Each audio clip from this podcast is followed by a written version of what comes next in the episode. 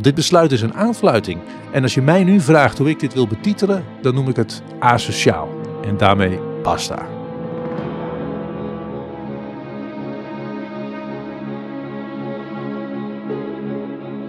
De Dag van Toen podcast. Geschiedenis uit Zuid-Holland. Met Dave Datema.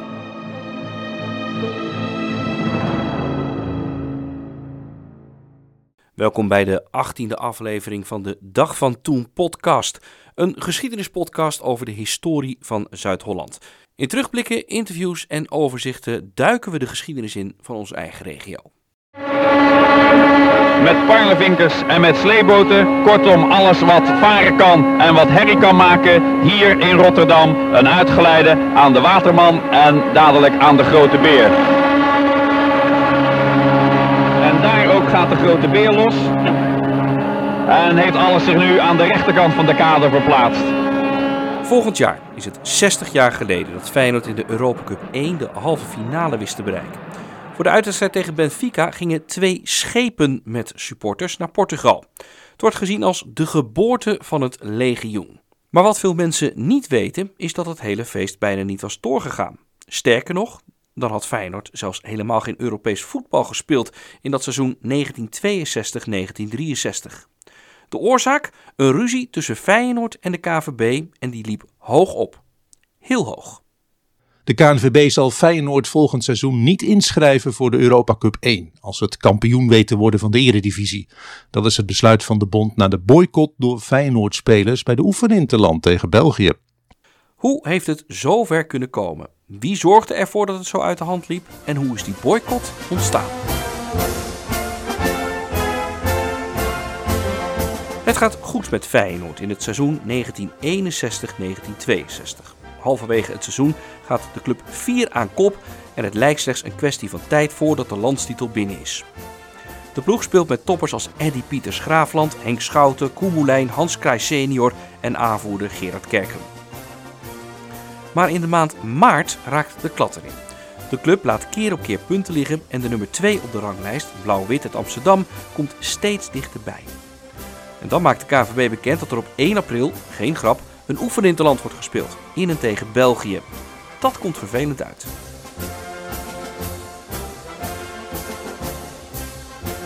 Er wordt over gesproken in de kleedkamer van Feyenoord. De resultaten van de ploeg zijn, ondanks de koppositie, nog steeds niet goed. Keeper Eddy Pieters Graafland is al geblesseerd geraakt, net als verdediger Rinus Bennaars. En middenvelder Jan Klaasens is dan net langdurig uitgeschakeld vanwege een auto-ongeluk. De paniek slaat toe. Want een paar dagen na de wedstrijd tegen België staat de kraker tegen Blauw-Wit op het programma. En dat levert eind maart een nogal opmerkelijke stap op. Spelers van Feyenoord zijn niet beschikbaar voor het Nederlands elftal voor de oefeninterland tegen België komende week, hebben de spelers van Feyenoord in een brief aan de KNVB laten weten. De spelers zijn bang voor blessures die gevolgen zouden kunnen hebben voor de strijd om de landstitel. Bovendien zijn de spelers niet in vorm, zo zeggen ze. Het bestuur van Feyenoord heeft geen rol gehad in het besluit van de spelers. De mededeling van de Feyenoord-spelers komt aan als een mokerslag. Waar halen ze het lef vandaan om af te zeggen voor Oranje? Het moet een eer zijn om voor Oranje uit te komen, staat in de ingezonden brieven in de kranten. Maar, zo zeggen de spelers. We missen op het ogenblik de juiste mentale instelling voor een interlandwedstrijd. We vinden het vervelend voor bondscoach Alex Schwartz, maar het behalen van de landstitel is ons meer waard dan een wedstrijd tegen België. De Feyenoord-spelers hebben donders goed door dat zo'n opmerkelijke stap consequenties gaat hebben. Het zal zelfs kunnen betekenen dat ze nooit meer worden uitgenodigd voor Oranje. Maar dat is dan maar zo, zeggen ze op Zuid. Toch blijkt er achter de schermen heel wat meer aan de hand te zijn. Sommige Feyenoord-spelers zijn gepikeerd over een eerdere gang van zaken bij Oranje. Koemelijn en Hans Kraai hadden bij een eerdere interland aan de bondscoach gevraagd of ze de volgende keer weer geselecteerd zouden worden. Dat is zo, kregen ze te horen. Sterker nog, de brief met de uitnodiging van de bond was al onderweg met de post. Een dag later moesten diezelfde Kraai en Moulijn in de krant lezen dat ze gepasseerd zouden worden. En dat doet pijn. Sommige Feyenoorders zijn ook de laatste interland in Amsterdam niet vergeten. Tegen een selectie met spelers van clubs uit Londen. Dat is normaal in die tijd. Toen werden de Feyenoorders in het Olympisch Stadion uitgefloten door Amsterdamse voetbalfans. En ook dat doet pijn. Maar ook geld speelt een rol. De Feyenoord-spelers weten dat als ze kampioen zouden worden, er ook een aardige kampioenspremie lag te wachten. En die Europa Cup 1 voor landskampioenen. Dat was natuurlijk ook een doel aan zich.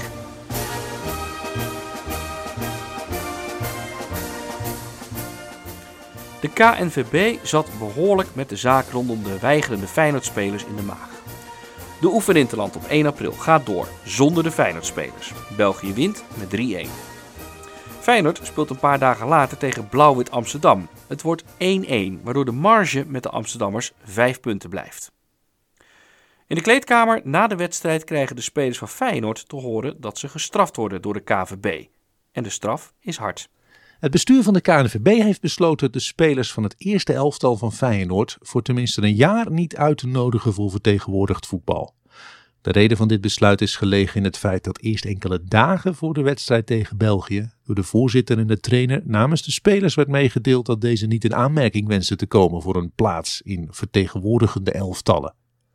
Voorts werd besloten de vereniging Feyenoord in geval dit seizoen het kampioenschap van Nederland wordt behaald, niet in te schrijven voor het toernooi om de Europese voetbalbeker. Omdat wedstrijden hiervoor eveneens een internationale vertegenwoordiging van Nederland betekenen. Ten aanzien van het bestuur van Feyenoord heeft het bondsbestuur tot zijn grote teleurstelling moeten vaststellen dat dit blijk heeft gegeven niet voldoende overwicht op de spelers te bezitten en in het onderhavige geval heeft nagelaten te doen wat geboden was in het belang van het Nederlands voetbal. Je kan je wel een beetje voorstellen wat voor klap dit geweest moet zijn voor de spelers. Een schorsing of niet geselecteerd worden voor Oranje, dat zagen ze wel aankomen. Maar dit? Namens de spelersgroep wordt aanvoerder Gerard Kerkem naar voren geschoven. Hij is woest over het besluit van de KVB, zegt hij in het Vrije Volk. Iedere Nederlander heeft het recht zich te verdedigen als er een aanklacht tegen hem wordt ingediend. Maar wij hebben dat kennelijk niet. Het is toch te gek dat het bestuur verantwoordelijk wordt gehouden voor onze daden. Ik geloof dat wij hier stelling tegen moeten nemen en dat veel Nederlanders dat met ons eens zullen zijn. Het is het gesprek van de dag. Zelfs de mensen die vonden dat het schandalig was dat de Feyenoorders niet opkwamen dagen voor Oranje, moesten nu wel toegeven dat deze straf wel heel ver ging. De KNVB heeft zichzelf hiermee te pakken. Want dit besluit is een aanfluiting. En als je mij nu vraagt hoe ik dit wil betitelen, dan noem ik het asociaal. En daarmee basta. Politici, clubbestuurders. Allemaal tuimen ze over elkaar heen om zich uit te spreken over de straf van de KVB. Het is wel heel erg zwaar. Met uitzondering van Ajax. Voorzitter Melgers noemt het jammer, maar hij zegt dat hij geen idee heeft welke straf dan wel gegeven moest worden. Melgers wijst er ook nog even fijntjes op dat door de boycott van de Rotterdamse spelers meer Amsterdammers werden geselecteerd. En daardoor waren zij nu gedupeerd, want het ging ten koste van de Ajaxide. Feyenoord gaat de straf verder bestuderen, zegt voorzitter Kieboom. En de strijd om de landstitel, wat is die dan eigenlijk nog waard? Genoeg, zegt de voorzitter. De club laat weten dat ze hun sportieve plicht zullen vervullen en nog steeds blijven proberen om landskampioen te worden, Europees voetbal of niet.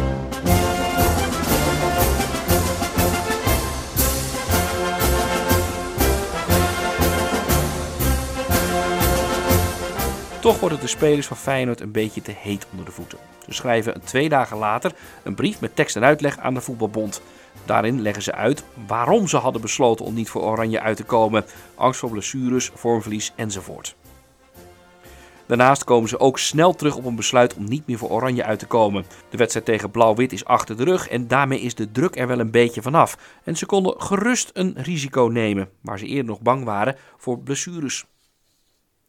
Het clubbestuur van Feyenoord is blij met de uitgestoken hand van de spelersgroep richting de KVB.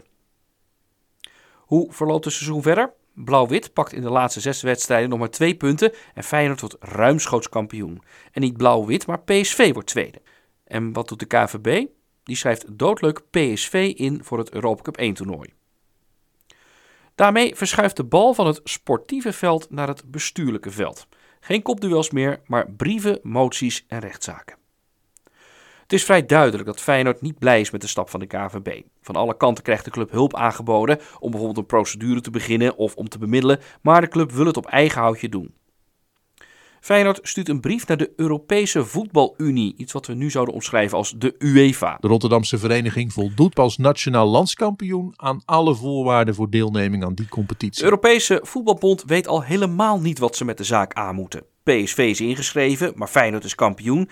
En de Europese Voetbalbond laat maar vrij snel weten dat ze niet competent zijn in deze zaak. Dus eigenlijk dat ze onmogelijk een uitspraak kunnen doen. Ook spant Feyenoord een kort geding aan. Die dient eind mei. Maar de rechtbank is nou ook niet echt blij met het feit dat dit in hun maag wordt gesplitst. Ga maar naar de KVB is de uitleg en als jullie er dan niet uitkomen, dan kan je terugkomen. De KVB heeft namelijk een college van beroep en daar kan het besluit aangevochten worden. Daar was het bestuur van de KVB het niet mee eens. Zij probeerden ook het college niet competent te verklaren. Het ging tenslotte om maatregelen en niet zozeer om straffen.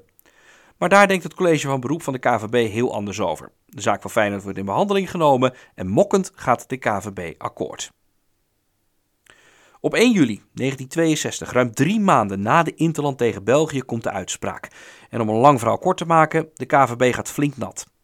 Het niet inschrijven van Feyenoord is tegen alle regels. Uitgesproken straf wordt daarop vernietigd. Het college is nog niet uitgesproken of Guus Broks, secretaris van Feyenoord, springt op om een telegram naar de spelers te sturen. Die zitten op dat moment in Joegoslavië voor de Intertoto Cup, een soort zomertoernooi. Het telegram bestaat uit vier woorden: Feyenoord in de Europa Cup. En daarmee komt er toch nog een happy end voor Feyenoord aan het verhaal.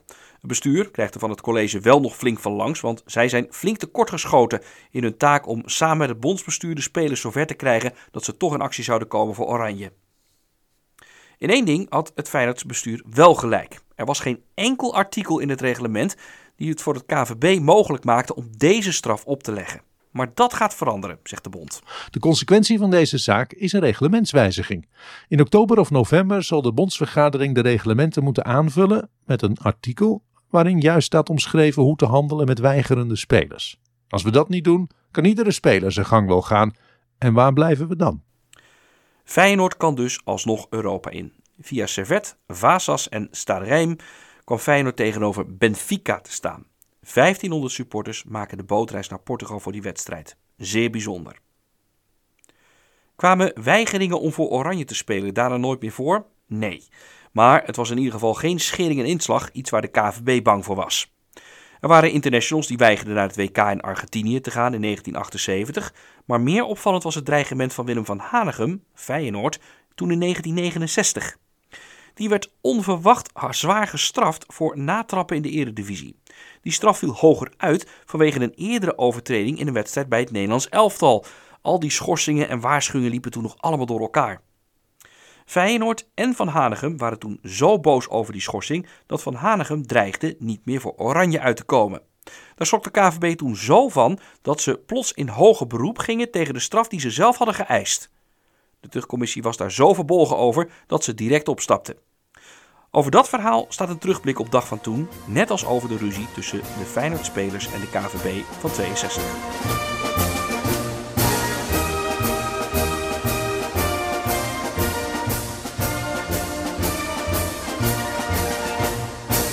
Uit de oude doos. In de rubriek Uit den oude doos gaan we dit keer op vakantie. In 1959 is er een kampeerbeurs in Den Haag. Onder de vele vormen van vakantiebesteding wint het kamperen de laatste jaren steeds meer terrein. Daarvan getuigde de zesde nationale kampeertentoonstelling Goed Kamp in Den Haag. Die een ruime keuze bood zowel aan de kleine sportieve kampeerders als aan de mensen met de ruime beurs, die op wat meer comfort gesteld zijn. Bij de caravans trok vooral de Travel Sleeper de aandacht. Een lichte, geheel stalen aanhangwagen die met één handgreep kan worden uitgeklapt tot een uiterst geriefelijke slaapkamer voor vier personen.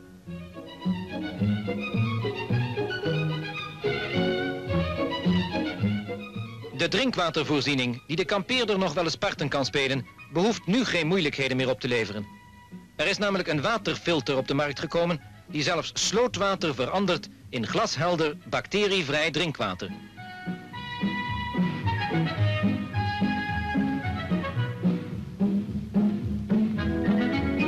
Vele bezoekers namen zonder aarzeling een proef met en van dit water. De ras-echte nomade tenslotte kan dankzij de allernieuwste vinding zijn tent telkens opnieuw ergens anders opslaan. Geschiedenis uit jouw omgeving. Dit is de Dag van Toen podcast.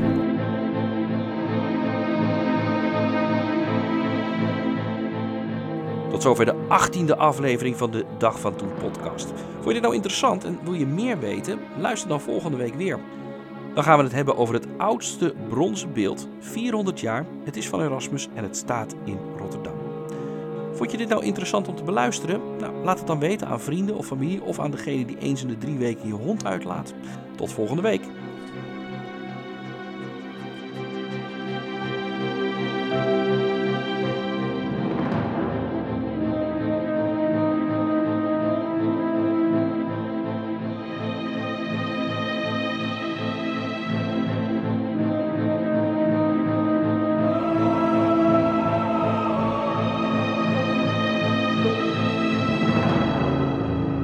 Van Toen podcast. Geschiedenis uit Zuid-Holland.